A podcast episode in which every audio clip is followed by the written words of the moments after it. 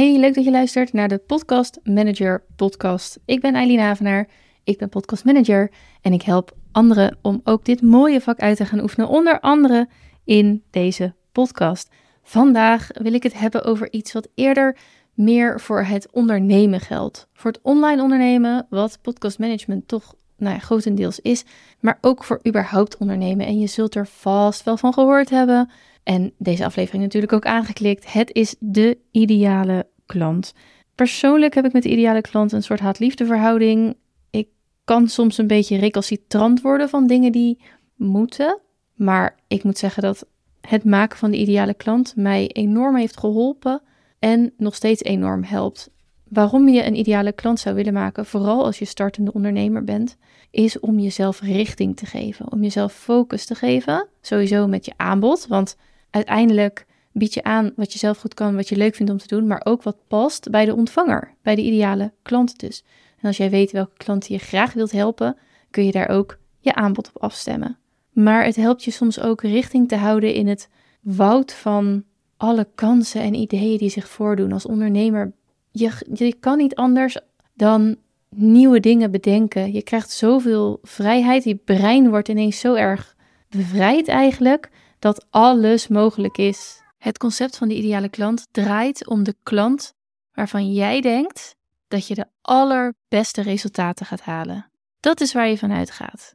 Dus niet per se wie je het aardigst vindt of het minst eng. Of misschien is de minst enge klant wel degene met wie jij het meeste resultaat gaat halen. Maar als je nou echt denkt van ik weet wat ik kan. Ik weet wat voor toffe dingen ik kan doen. Ik weet onder welke omstandigheden ik het beste werk. Wat is dan de klant die daarbij past? Met welke klant ga je de allerhoogste, allerbeste resultaten halen? Oké, dan even concreet. Hoe zit dat nou met die ideale klant en hoe werk je hem uit?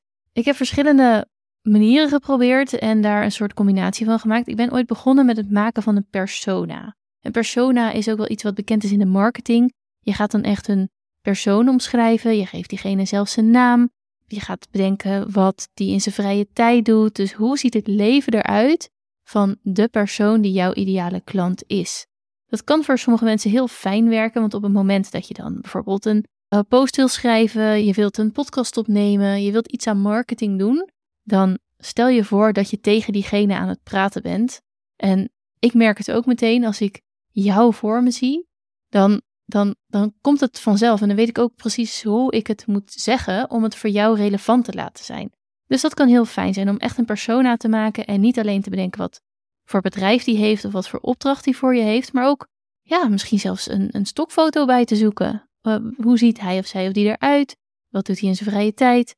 En vooral vragen als waar ligt diegene wakker van? Wat is nu echt problematisch voor jouw persona, voor jouw ideale klant?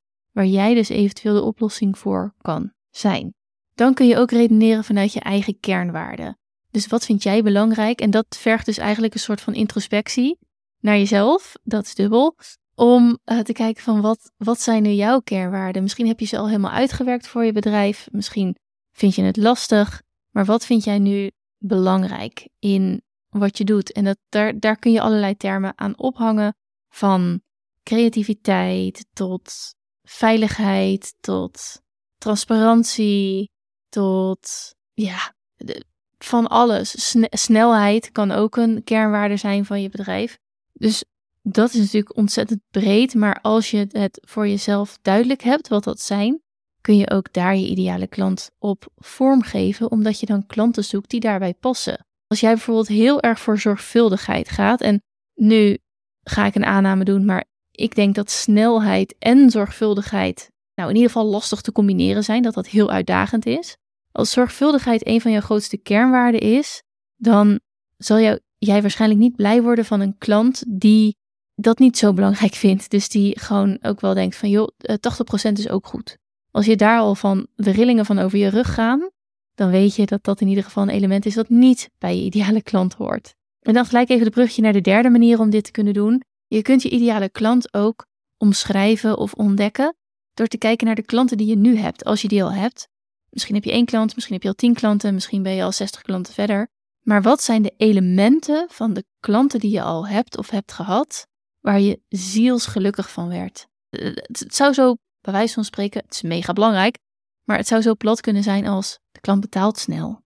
Of ze reageert op alle vragen uit mijn mail. Er zijn gewoon elementen aan klanten waar jij als ondernemer, als betrokken persoon bij het bedrijf van die klant, heel gelukkig van wordt. Ga die verzamelen en dan zie je ook een soort patroon ontstaan van eigenschappen die de ideale klant voor jou heeft.